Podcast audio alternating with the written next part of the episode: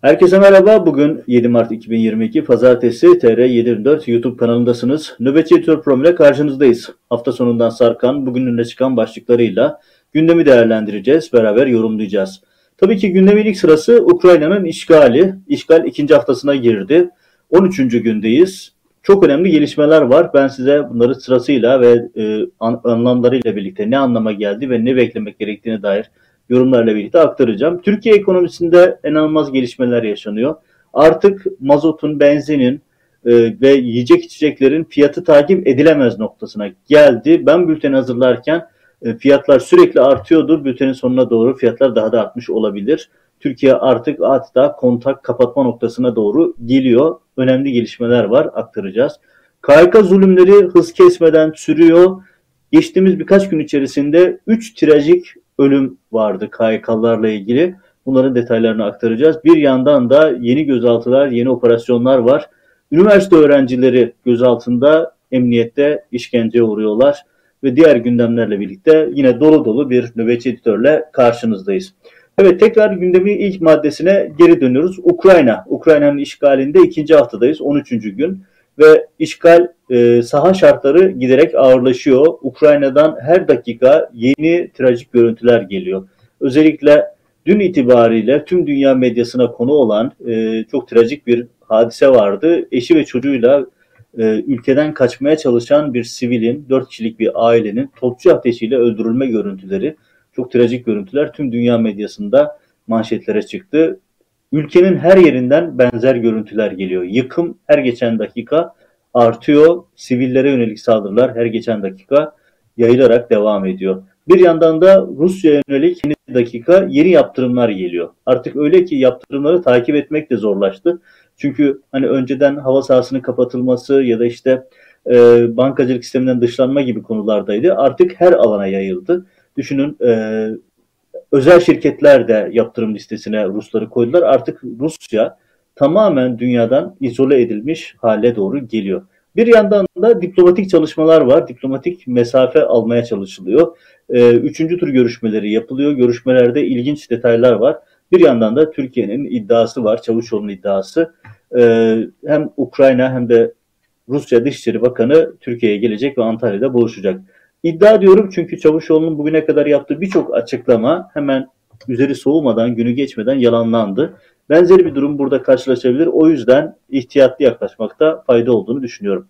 Özetlemeye devam edeyim. Ukrayna'daki ateşkesle ilgili e, tahliyelerin yapılabilmesi için bir ateşkes girişimleri vardı. Ancak onda da başarılı olunamadı. E, bir taraftan da İngiltere, e, Rusya Devlet Başkanlığı'ndan, Rusya'dan, Kremlin'den ilginç açıklamalar geliyor. Kremlin dost listeler ve düşman ülkeler listesi yayınlıyor. Ülkeleri kategorize etti. Hatta İngiltere'ye yönelik çok enteresan açıklamalar geldi. Ukrayna'ya verilen desteği asla unutmayacağız şeklinde bir tehdit var, açıklama var. E, Putin dedi ki eğer uçuşa yasak bölge ilan edilirse bu Batı'nın savaşa katılması demektir dedi. Burada bir yine bir tehditte bulundu. E, aynı şekilde e, Birleşmiş Milletler'den gelen son istatistiklere göre şu ana kadar 1.7 milyon insan Ukraynalı Ukrayna'dan komşu ülkelere, batıdaki ülkelere geçiş yaptı, yapmaya da devam ediyor. Beklenti 4 milyon insanın önümüzdeki birkaç gün içerisinde e, Batı ülkelerine, Polonya başta olmak üzere Batı, ülkelerine geçmesi e, yönünde projeksiyonlar var. Yani insani trajedi her geçen gün, her geçen dakika devam ediyor. Bir taraftan da Rusya'yı terk eden batılı firmaların sayısı her geçen gün artıyor. E, giyimden teknolojiye kadar, e, ulaştırmadan e, bilişim altyapısına kadar her alanda şirketler Rusya'yı terk ediyor. Rusya gerçekten kıpırdayamaz hale gelmiş vaziyette. Ee, burada tabii önemli bir ilginç gelişme daha oldu. Amerikan Wall Street Journal gazetesi ki bu konulardaki kaynaklarının sağlamlığıyla bilinen bir gazete. Ee, orada çıkan bir önemli iddia var. O da şu. Ee, Suriyelileri yani Suriye'de sokak çatışmalarında tecrübesi olan özellikle bu tip çatışmalar konusunda birikim olan kişileri Suriye'nin Suriye'den toplanan kişilerin Rusya tarafından Ukrayna'ya götürüleceği yönünde bir haber çıktı. Bu haber önemli. Amerikan istihbaratına dayandırılarak yapılan bu habere göre zaten bir grup isim hazırda Rusya'ya taşınmış. Yani Suriye'den Rusya'ya taşınan ve Ukrayna'ya geçmek için bekleyen bir grup hazırda var.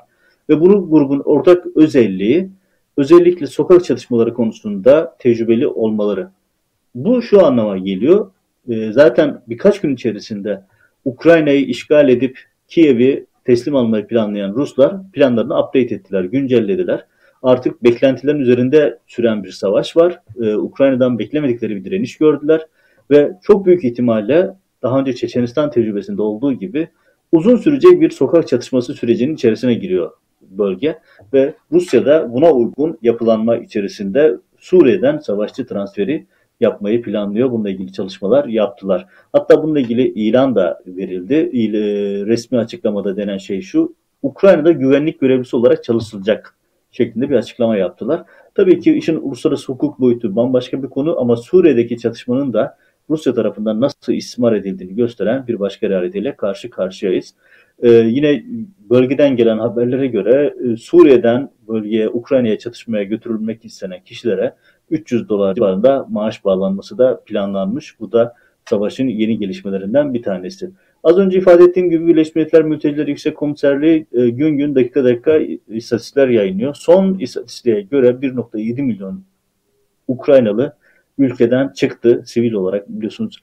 Genç erkekler e, belli bir yaş aralığın içerisinde olanlar hariç ülkeyi terk edemiyorlar. Onlar savaşmak için kalıyorlar ama kadınlar ve çocuklar ülkeyi terk ediyor.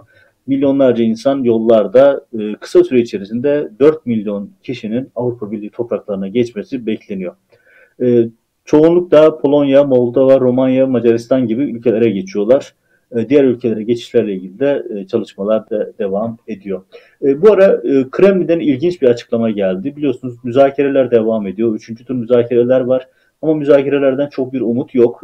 Müzakerelerin yapılıyor olması aslında bir bakıma formaliteye dönmüş vaziyette. Nedeni şu, bugün Kremlin'den gelen bir açıklama var. Kremlin sözcüsü Dimitri Peskov hangi şartlarda ateşkes yapılabileceğini anlatan bir açıklama yaptı. Ben şimdi şartları size aktarayım e, ve neden müzakerelerde bir ilerleme sağlanamadığının cevabını siz zaten kendiniz görebilirsiniz. Diyor ki Peskov, Ukrayna'nın Kırım'ı Rusya'nın bir parçası olarak tanıması. Yani Kırım'ı ilhak ettik, e, mealen söylüyorum, ilhak ettik bunu kabul edin diyor. Donetsk ve Luhansk iki özerk bölgenin özerk olarak, bağımsız olarak kanılmasını da kabul ediyor. Şey, kabul edin diyor Ukraynalılara. Ukrayna anayasası değişsin ve herhangi bir bloğa yani NATO başta olmak üzere herhangi bir Avrupa Birliği dahil olmak üzere herhangi bir bloğa katılmayacağını deklar etsin diyor. Böyle bir şart koşuyor Peskov. E, Peskov aynı zamanda devam ediyor. Diyor ki Ukrayna silahlardan arındırılsın, silahsızlandırılsın. Yani ordunun davet edilmesi ya da bütün silahların davet edilmesi halinde e, Ukrayna askeri harekatı sonlandıracak diyor. Askeri harekat tırnak içerisinde ifade ediyorum. Aslında işgal bu. Ruslar bunu askeri harekat olarak tanımlıyor ama pratikte işgal edilen bir ülkeyle karşı karşıyayız. Şimdi bu kadar e, ağır şartlar sunan Rusya'nın aslında müzakerelerden bir şey beklemediği de önümüze duran bir realite. E, dolayısıyla maalesef kanlı görüntüler gelmeye devam edecek. Çünkü bu maddelerin Ukrayna tarafından kabul edilmesi pek akla yatkın değil. E, bu arada Melih Çavuşoğlu yani sürecin başından bu yana ki bu ara parantez açalım Melih Çavuşoğlu'nun görevden alınması, değişmesi ya da Erdoğan rejimindeki ifadesiyle affını istemesi her an olabilir. Bunu da bir aklınızın bir kenarında tutmanızda fayda var. Mevlüt Çavuşoğlu e, bir açıklama yaptı. Sosyal medya hesabı üzerinden paylaştı bu açıklamayı. 10 Mart'ta Ukrayna ve e, Rusya Dışişleri Bakanlarının Antalya'da bir ara gelebileceğini duyurdu. Şimdi tabii söz konusu olan Mevlüt Çavuşoğlu olunca ihtiyatlı yaklaşmakta fayda var. Kendisi en çok yalanlanan Dışişleri Bakanı olarak tarihe geçti. Kırılması güç bir rekora imza attı. Daha ilk e, kariyerinin ilk Washington ki ben ziyareti Washington'da takip etmiştim. İlk ziyaretinde daha Obama'nın son günlerinde Amerika'ya geldiğinde daha uçaktayken Beyaz Saray'dan yalanlanmayı başaran bir isimdi.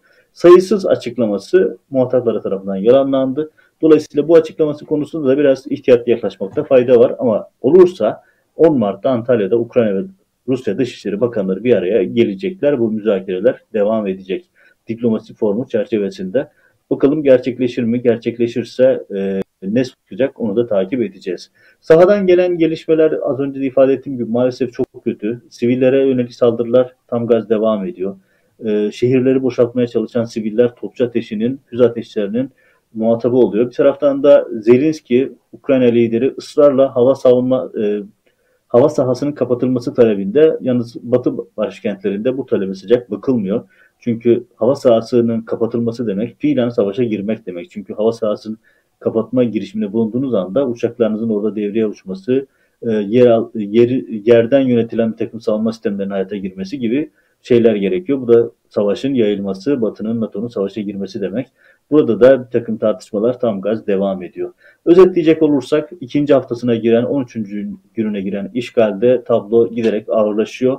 Ukrayna'da savaş şartları ağırlaşıyor. Rusya'nın yaptırımları, Rusya yönelik yaptırımlar giderek ağırlaşıyor.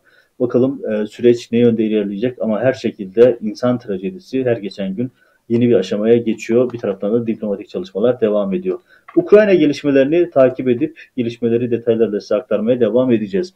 Tabii hem Ukrayna gelişmeleri hem de Erdoğan rejiminin neden olduğu kötü yönetim sebebiyle Türkiye'de çökmüş durumda. Hatta o kadar hızlı çöktü ki e, sanki muhatap olan Türkiye, yaptırımlara muhatap olan Türkiye, Rusya'dan bile daha ağır bir ekonomik çöküş yaşıyor Türkiye. Bunu da biz en çok akaryakıt fiyatlarından, yiyecek içecek fiyatlarından anlıyoruz. Şöyle ki günlerdir sosyal medyada özellikle hafta sonu yaygın bir ayçiçek e, yağması söz konusu var. Yağma diyorum çünkü insanlar birbirini ezerek, arada çocukları ezerek e, ayçiçeği tenekelerini kapmakla meşguller. Yani akla ziyan görüntüler yaşanıyor. Bu tabii Türk toplumunun sosyolojisi üzerinde, psikolojisi üzerine e, analiz yapılmasını gerektiren bir durum. Yani ayçiçek yağının fiyat artışına karşı insanlar marketlerde birbirini ezerek ayçiçek yağı satın alıyor. Türkiye savaşta değil, kıtlık yok, açlık yok ama böyle bir tabloyla karşı karşıyayız. Bunun üzerinde yorum yapmak gerekiyor. Ama asıl dikkat çekmek istediğim nokta şu. Ayçiçek yağı tıpkı petrol ve e, doğalgaz ve e, elektrik, doğalgaz ve benzindeki gibi tutulamıyor. Öyle ki e, artık sosyal medyaya yansıyan rakamlar, yani şöyle ifade edeyim. Marketin içerisinden aldığınız ayçiçek yağını marketin içerisinde alışveriş yaptığınız kasaya gittiğinizde fiyat artmış olabiliyor. Çünkü çok ciddi bir sıkıntı var. Ayçiçek yağı yüklü gemiler Rusya'nın ambargosu sebebiyle izin vermemesi sebebiyle çıkamadılar. Türkiye biliyorsunuz Rusya ve Ukrayna dünyanın en büyük üreticilerinden. Biliyorsunuz Türkiye'nin e, özellikle Trakya bölgesi ayçiçek yağı üretiminin ve üssüydü. Uzun yıllar buralar e, bütün Trakya sapsarı ayçiçek tarlalarıyla doluydu. Artık yoklar. Buralara TOKİ'ler yapıldı. Buralara konutlar yapıldı. E, tamamen çökertilen tarım politikaları sebebiyle artık bunlar ithal ediliyor biliyorsunuz Rusya'dan özellikle. Hem ekmek hem ayçiçek yağı hem de benzeri temel gıda maddeleri. Artık Türkiye kendine yetebilen bir ülke değil Erdoğan'ın politikaları sayesinde. Şimdi burada çok ciddi bir nokta geldi. Ayçiçek yağı stokları eriyor. E, fiyatı astronomik arttı. 5 litrelik ayçiçek yağı 200 liraya aşmış vaziyette. Bazı yerlerde 350 liraya kadar çıktı. İnternette daha astronomik rakamlar da söz konusu. Tabii bir kısmı manipülatif de olabilir. Bu tip durumlar genelde manipüle edilmeye müsait yerler ama taksitle ayçiçek yağı satımını bile Türkiye görmüş oldu. Hatta bugün e, Türkiye'nin muhtelif yerlerinden gelen yeni kuyruklar vardı. Hani Erdoğan'ın hep söylediği CHP dönemi, kuyruklar dönemi vesaire gibi yıllardır miting meydanlarında söylediği kuyruklar artık Erdoğan rejiminin alameti farikası oldu. Her yerden kuyruk görüntüleri geliyor çünkü gıda sıkıntısında hat safhaya doğru ulaşılıyor. Tabii Tarım Orman Bakanlığı beklenen açıklamayı yaptı. Herhangi bir sorun yok, her şey kontrol altında, panik yapmayın şeklinde. Ee, ve bu noktada tatmin edici bir açıklama yok. Neden yok? Çünkü e, ta, Tarım Orman Bakanlığı'nın verilerine göre e, Türkiye buğdayın %78'ini ekmeklik olarak kullandı. Buğdayın %78'ini Rusya'dan, %9'unu da Ukrayna'dan alıyor. E, arpa ithalatında yine Rusya ve e, Ukrayna ilk sırada ve benzeri bir e, tablo ayçiçek yağında da söz konusu. Bu kadar yüksek miktarda ithalat olan, yani bakanlığın açıklamasındaki çelişkiyi göstermek için bunu söylüyorum. E, bu kadar yüksek miktarda ithalatlar ilgili iki ülkeden yapılırken Tarım Bakanlığı'nın stoklarda sorun yok, haber spekülasyon e, sıkıntı yok demesi de kendi içinde çelişen bir durum. Çünkü bu kadar büyük miktarda ithalat yaptığın iki ülke şu anda savaş halinde ve size yeni bir ürün gelme ihtimali yok. Bu durumda neler olacak? Ciddi anlamda soru işareti. Hatta ekmek sanayicilerinden bir açıklama geldi. Bugün Mart ayı içerisinde un ve ekmek fiyatları hani Rusya'daki sorun çözülse bile bu şartı özellikle not düşmek lazım. Hani Rusya'da sorun çözüldü, her şey normalleşecek diye beklemeyin. Bunlar çözülse bile un ve ekmek fiyatlarında astronomik artışlar bekleniyor. Böylelikle e, Türkiye'de ciddi bir e, gıda krizi de kapıda diyebiliriz. Bu önemli bir gösterge. Yani bugün bile insanlar kuyruklarda birbirini eziyorsa yarın bir gün neler olacağını düşünmek çok e, açıkçası e, insanın e, fazlasıyla gerilmesine neden oluyor. Çünkü bugün çocukları ezip yağ kapan insanlar ya da raflara tırmanıp e, sağdan soldan yağ toplayıp e, bunları kaçıran insanlar yarın neler yapar açıkçası öngörmek çok kolay değil. Tabi bağlantılı bir diğer konumuz mazot ve benzin fiyatları. Ben artık hesaplamaktan vazgeçtim diyebilirim. Çünkü bülteni hazırlarken rakamlara bakıyordum. Bültenin sonunda hazırladığımda rakamlar yine değişmişti. Ve e, bugün pazartesi çarşamba günü astronomik bir zam daha geliyor. Yani düşünün sadece çarşamba günü motorunun mazotun litresine 2.35 2 lira artık kuruş da değil lira lira şeklinde gidiyor. 2.35 zam daha gelecek ve şu anda hali hazırda zaten lirayı geçmiş vaziyette. Son birkaç yıl içerisinde %100'e buldu zamlar ve bu zamlarla birlikte e, dünyadaki artan petrol fiyatlarıyla birlikte zamlar artık takip edilemez noktaya geldi. Tabi bu noktada iktidar medyası e, haberleri verirken biraz mizahi bir boyut, boyut da katarak Almanya'da, Fransa'da e, petrol satışları, şey benzin tarihi günlerini yaşıyor şeklinde haberler var. Ama Türkiye'den hiç bahsetmeyen havuz medyasıyla karşı karşıyayız. Şu anki konjöktür bir süre daha devam edeceği öngörülüyor. Bu da şu demek, şu anda petrolün varil fiyatı 139 dolara kadar çıkmıştı. Bir ara geriledi 126 dolara kadar ama sonuçta e, oldukça yüksek e, rakamlarda seyrediyor. Zaten Türkiye dünyanın en pahalı benzinini ve mazotunu satıyordu. Artık bu savaş bahanesiyle bu rekor kırılamaz hale getirilmiş vaziyette. Düşünün mazotun litresi 20 liraya aşmış durumda. Benzin bugün yarın 20 liraya aşacak. Böyle bir tablo içerisinde ne üretim yapılabilir ne insanlar hayatlarını devam ettirebilir. Yani Türkiye kontak kapatmak zorunda kalacak öyle gözüküyor. Ve bu noktada Türkiye'nin yaptığı nepi hani bu süreçleri yönetecek bir e, akıl var mı derseniz e, iki tane parametre söyleyeceğim olmadığını göstermek için. Bir tanesi Rütük. Rütük Başkanı Ebu Bekir Şahin hatta kendisine özel logo tasarlatmış. Bu da ilk defa gördüğümüz bir şey. Hani sonuçta bu işler sadece Erdoğan'ın e, logosu olurdu. Bu işler bugüne kadar Erdoğan e, kendine logo tasarlatır ve Erdoğan'ın önünde ikinci bir isim olmazdı. Ebu Bekir Şahin logo tasarımı yapmış ki bu muhtemelen saraydan kulağını çekerler. Çünkü bir bürokratın böyle bir logo yaptırıp açıklamalarını böyle yapması çok görülen bir şey değil. Ama asıl e, sıkıntı şu, Ebu Bekir Şahin yaptığı açıklamada e, fiyatların e, manipülatif haberler yapıldığı vesaire söyleniyor. Ve diyor ki bunlara bakmayın, hani halk e, ya da marketlerdeki durumu falan boş verin. Kamu kurumlarının açıklamalarına bakın diyor. Ve gereğini yapacağız diyor. Hani siz e, yağ arttı fiyatı, işte yağda izdiham var, benzinde, mazotta durum bu haberleri yaparsanız cezayı keseriz diyorlar.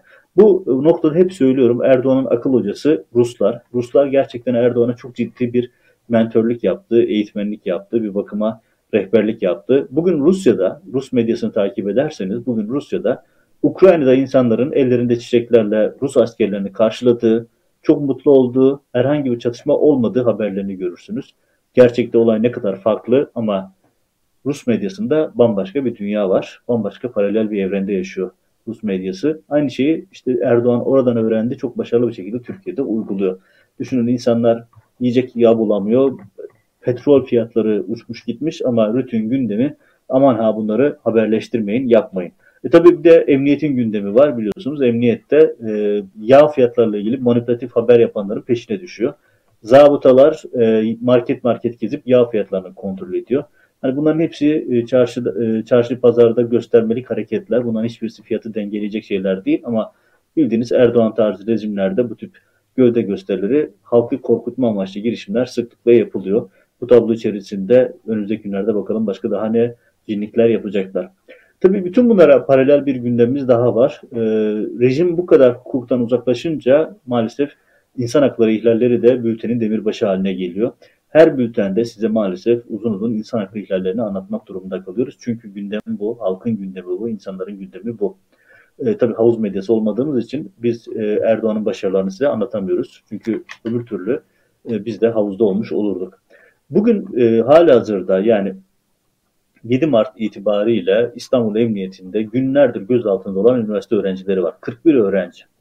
Bunlar üniversite öğrencileri ve yine malum e, sözde FETÖ e, soruşturmaları kapsamında gözaltına almış öğrenciler bunlar.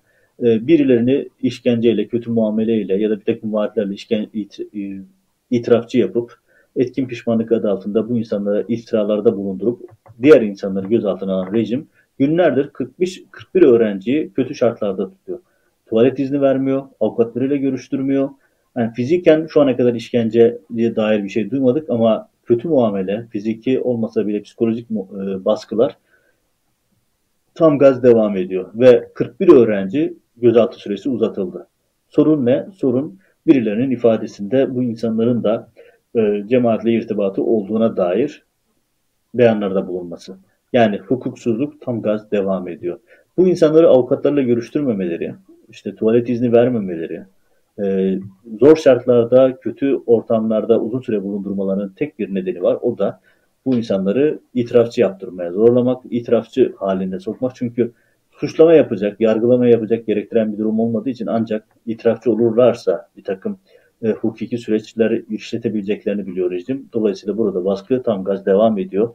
Ömer Faruk Gergerlioğlu e, insan hakları e, savunucusu, HDP milletvekili bu konuyu da gündeme getirdi ve bu konuda isyan etti. Özellikle vatan emniyette yapılan durumla ilgili e, İstanbul Barosu'nu göreve çağırdı. Bu önemli bir gelişmeydi. Avukat Çiğdem Koç da konuyu takip eden isimlerden birisi. O da benzeri açıklamalarla konuyu e, çocukların ailelerini bilgilendirmiş oldu. Tabii birkaç gün içerisinde çok trajik e, üç gelişmeyi üst üste yaşadık. Maalesef Türkiye'nin en önemli gündemi olan KYK'lar, hak mağduriyetleri, zulümler e, toplumun büyük bir kesiminin gündemine giremiyor. Onlar yağ fiyatlarını, petrol fiyatlarını takip ediyor ama öbür tarafta insanların hayatı soluyor, hayatı bitiyor. İşte üç örnek üst üste yaşadık. Gerçekten trajik üç örnek. Ve maalesef Ömer Faruk Gergerlioğlu, Sezgin Tanrıkulu dışında bu gündemlere taşıyan, bu konuları gündeme taşıyan neredeyse kimse yok. Ordu'nun Ünye ilçesinde ayakalı bir polis memuru Ahmet Olgun üzerine benzin dökerek intihar etti ve bıraktığı notta ben hain değilim yazıyordu. Şimdi bu o kadar büyük bir travma ki yani Erdoğan rejiminin ve tetikçilerinin çok kolay söylediği KHK'lılar, işte bunlar polis, bunlar cemaatçi, bunlar FETÖ'cü vesaire gibi etiketledikleri, sivil ölüme terk ettikleri, dışladıkları, her ağzını açtıkları zaman terörist dedikleri insanlar artık dayanılmaz bir noktaya geldi ve bir bir ya hasta oluyor, kanser oluyor ya dayanamayıp intihar ediyor ya da çok ağır travmalar geçiriyor. Şimdi bakın polis memuru Ahmet Olgun bir insan kendi üzerine benzin dökerek yakacak kadar artık bunalmış. Kendi üzerine benzin dökecek yakacak kadar ve ben hain değilim notu bırakıyor. Ve artık zulme dayanamayacak hale gelmiş. Maalesef e, çok trajik bir şekilde haybetti.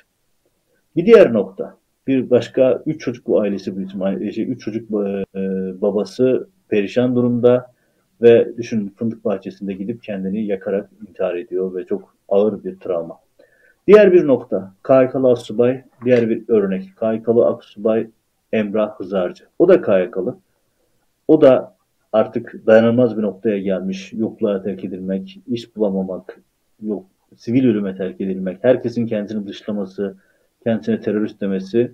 Düşünün o da hayatına son verdi. Bu yine trajik örneklerden bir tanesi. Bir diğer nokta, KYK'lı öğretmen, diğer bir trajedik ölüm. Öğretmen Cafer Bayram. Cafer Bayram'ın ölümü de son derece trajik. Her ölüm trajik ama bu üç KYK'lının üst üste gelen üç KYK'lı ölümü bütün topluma çok ciddi bir mesaj veriyor. Bütün siyasi partilere özellikle muhalefetin altı partisine çok önemli bir mesaj veriyor.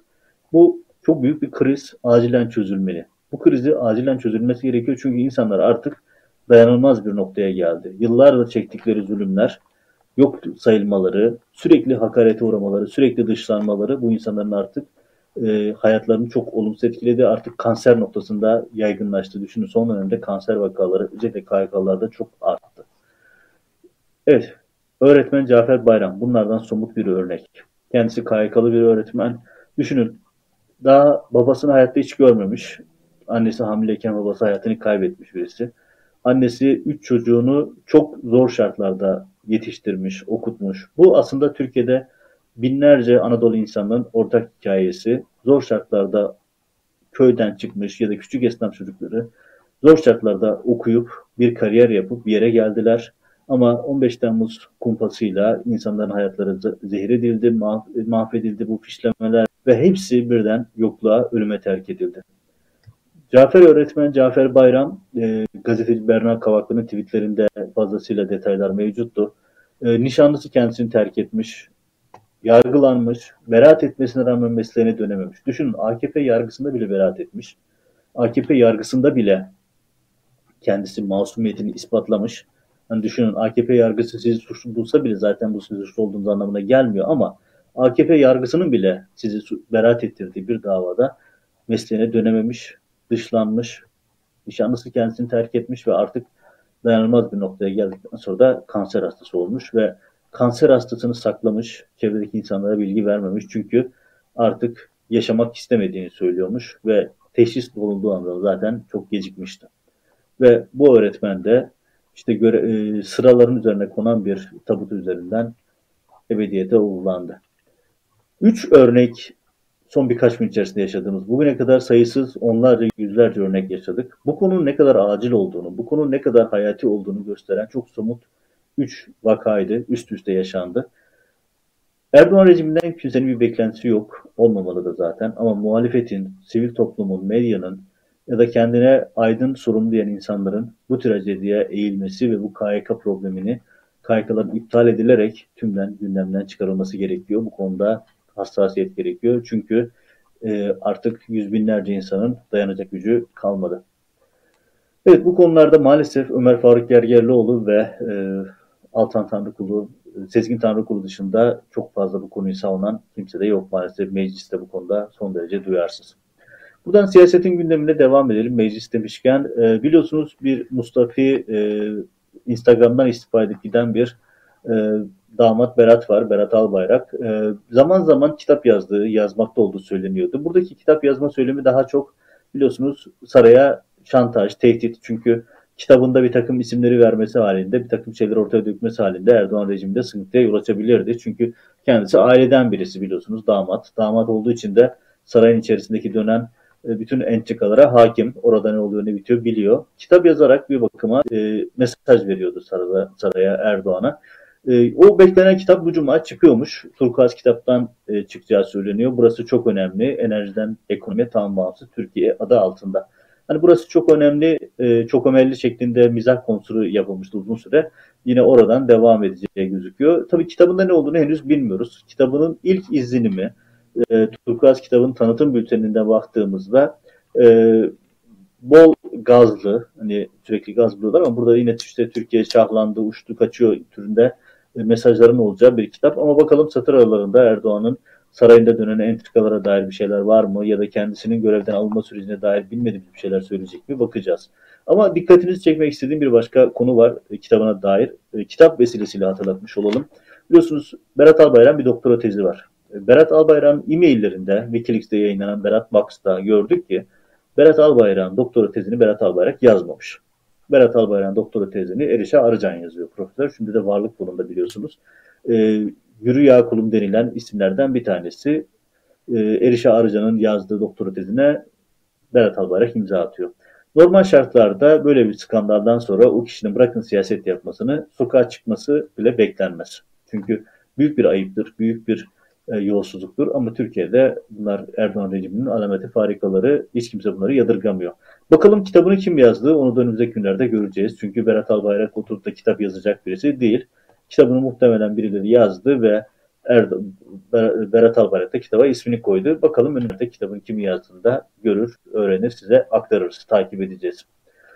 Siyasetten devam edelim. Aylardır beklenen bir gündem daha var. Seçim yasası. E, biliyorsunuz iktidar ve ortağı MHP ve yancısı İşçi Partisi, Vatan Partisi, Perinçek Partisi e, bu isimler e, bir süredir bir seçim kanunu üzerinde çalışıyorlardı.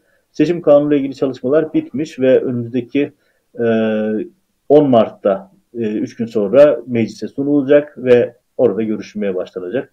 Meclis aritmetiği içerisinde görüşülmesi ve geçmesi sırasında bir engel yok. Meclis aritmetiği buna iktidar lehine uygun ve yakın zaman içerisinde seçim yasası geçmiş olacak. Seçim barajı %7'ye düşürülüyor. Ee, daha önce kamuoyuna yansıdan bazı bilgilerin işte dar bölge seçim sistemi olmayacağı söyleniyor. Ee, taslak ve e, yani siyasi partilerin seçime girebilmeleri için mecliste grup kurma şartı kaldırılıyor. Böylelikle hani milletvekili transferi daha önceki seçimde hatırlarsınız CHP'den İyi Parti'ye ödünç verilen milletvekilleri vardı. Bunları önlemek için bir takım girişimler yaptılar. Taslak yayınlandığı zaman detaylarını daha iyi göreceğiz. Şu açıdan çok önemli bu konu. Gündeme alma nedenim şu. E, seçim yasası yani e, 10 Mart'ta göreceğimiz yasa taslağı bize önümüzdeki dönemin ipuçlarını verecek. Çünkü Erdoğan rejimi hemen mi seçime gitmek isteyecek ya da e, bir yıl sonra mı çünkü seçim yasasındaki değişiklikler anayasal olarak bir yıl içerisinde uygulanamıyor. E, bir yıl içerisindeki seçimlerde uygulanamıyor. Böyle bir realite göz önüne alınırsa erken seçim 2022 ilkbaharına mı çekilecek? Bütün bu soruların cevaplarını biz 10 Mart'taki taslakta görmüş olacağız. O gelişmeleri de e, önemli gelişmeleri de takip edip size aktarmış olacağız. E, son bir e, sürpriz gelişme var Danıştay'dan İstanbul Kanal İstanbul kararı. Kanal İstanbul kararına geçmeden önce bir hatırlatma yapayım. Geçtiğimiz günlerde Ethem Sancak, Vatan Partisi heyeti, Perinçen heyetiyle birlikte biliyorsunuz Moskova'daydı. İl, ilginç görüşmeler yaptı. Erdoğan'ın özel temsilcisi, elçisi olarak oraya gitti. Ve Rus televizyonuna verdiği demeçte, bu 15 dakikalık demeçte hayli tartışmalı şeyler etmişti, laflar etmişti. O tartışmalı röportajın orijinal Rusça metnini ben e, Rusça bilen bir arkadaştan tercüme ettirdiğimde şöyle bir şey dikkatimi çekti. E, e, son bölümünde, röportajın son bölümünde gazeteciye teşekkür ettikten sonra Ethem Sancak hala konuşmaya devam ediyor ve anlatıyor. Diyor ki hatta Kanal İstanbul'a Ruslar katılabilirler. Orada sizin için de fırsatlar var şeklinde bir takım vaatlerde bulunuyor. Tabi bu vaatleri Erdoğan adına veriyor. Çünkü Ethem Sancak orada Erdoğan'ın sözcüsü, özel temsilcisi olarak bulunuyordu. E, ve buradan devam edelim. Yani Kanal İstanbul projesi Erdoğan'ın e, özel ajandasında olmaya devam ediyor. Savaş şartlarında bile o konuyu takip ettiriyor. Şimdi burada sürpriz bir gelişme oldu. O da Danıştay İstanbul, Kanal İstanbul'da demiryolu ihalesini iptal etti. Halkalı Ispartakul arası demiryolu hattı inşaatı tam adı bu. Tabii iptal etmesi e, ne gerekçe olarak da rekabetin sağlanamadığı gibi bir madde koydular. Normal şartlar içerisinde olması gereken bu. Ama Erdoğan rejiminde bugüne kadar bunlar olmuyordu. Ee, böyle bir şey hele hele Danıştay'ki tamamen yüksek yargıda Erdoğan'ın direkt bağladığı, kendine bağladığı bir yer haline geldiği için Danıştay'ın çıkıp bugün böyle bir karar vermesi sürpriz. Ee, bu da şu yorumu beraberinde getiriyor. Özellikle e, değişen ekonomik dengeler, e, özellikle uluslararası konjonktür Kanal İstanbul'u askıya almak gibi bir takım dayatmaları da beraberinde getirebilir. Bu durumda Erdoğan geri adım atmamış olur. Yargı engeller, yargıya itirazlar yapılır ve böylelikle top yargıya atılarak e, bu süreci de idare etmiş olabilirler. Şekilde yorumlar da var. E, gelişmeleri takip edip aktaracağız ama e, Danıştay'ın bu kararını sürpriz olarak görmek gerekiyor. Çünkü bugüne kadar yaşanan bunca skandala, bunca hukuksuzluğa ses çıkarmayan yargı sürpriz bir şekilde Kanal İstanbul'da kritik bir ihaleyi, bir aşamayı iptal ediyor. E, bu da üzerinde kafa yormaya, üzerinde düşünmeye değer bir gelişme. Bunu da size aktarmış olalım. Evet, bugünün gündeminden e, seçtiğim başlıklar, e, manşetler ana hatlarıyla böyleydi. Maalesef son derece iç karartıcı, son derece can sıkıcı gündemlerle dolu. Erdoğan rejimi başka bir şey vaat etmiyor maalesef. Ve gündemin son haberi olarak da e, yine bir taşımız e, Mehmet Baransu'yu ilgilendiren bir gelişmeyle bülteni bitirelim. Unutmuş olmayalım. Mehmet Baransu 7 yıldan aşkın süredir cezaevinde. Bugün doğum günü. Kendisine yeni yaşında e, özgürlük diliyorum. E, en azından onu sağlayabilirse Türkiye çok büyük bir başarı, başarı olmuş olacak. E, birkaç gündür Mehmet Baransu yine internet medyasında tartışmalarda konuşulan bir konu. Çünkü geçen hafta Taraf Gazetesi yöneticilerinin de yargılandığı davada mahkeme skandal ötesi bir karara imza attı. Mehmet Baransu'ya 13 yıl hapis cezası verdi. Ama ortada olmayan, yayınlanmayan bir haber üzerine ceza verildi. Ve skandal ötesi bir karar ve bu karardan sonra maalesef Türk medyasının ekserisi balyoz kumpasçılarına ceza yağdı şeklinde yorumlar verdiler. Oysa ki davada ne balyoz kumpasından bahsediliyor ne başka türlü e, suçlamalar var. Davanın konusu devletin gizli belgesinin yayınlanması. Yani tam da gazetecilik. Gazetecilerin görevi zaten saklanan bilgileri, belgeleri bulup yayınlamaktır. Gazetecilerin işidir bu. Diğeri haklı ilişkiler reklam işine girer. Gazetecilerin işi zaten bu işi yapmaktır. Gizli belgeleri bulmak, yayınlamaktır. Eğer bir belgenin sızması sorunsa onu devletin kendisini çözmesi gerekir. Uluslararası literatür bunu tam olarak da bu şekilde teyit etmiştir. Ve böyle bir ortamda Mehmet Baransu gazetecilik yaptığı için 7 yıl aşkın süredir cezaevinde ve bu zulme rağmen meslektaşları, onunla aynı iş yapan insanlar yalan söylemeye devam ediyorlar. Balyoz sebebiyle kumpas iddiasıyla ceza aldığını söylüyorlar ki açıkça alenen yalan söyleyip okurlarını, izleyicilerini kandırmaya, aldatmaya devam ediyorlar. Bu da bir ayıp olarak tarihe geçiyor. Evet bu vesileyle Baransu'nun, Mehmet Baransu'nun yeni yaşını tebrik edelim. Umarız e, daha fazla cezaevinde kalmaz. Umarız kısa süre içerisinde özgürlüğüne, ailesine, sevdiklerine ve mesleğine kavuşur. Biz gündemi takip edip gelişmeleri size aktarmaya devam edeceğiz. TR24 YouTube kanalını takip edip bildirimleri açıp yayınları paylaşırsanız daha fazla insana ulaşma imkanımız doğar. Bu hatırlatmayla bülteni tamamlamış olalım. Hoşçakalın.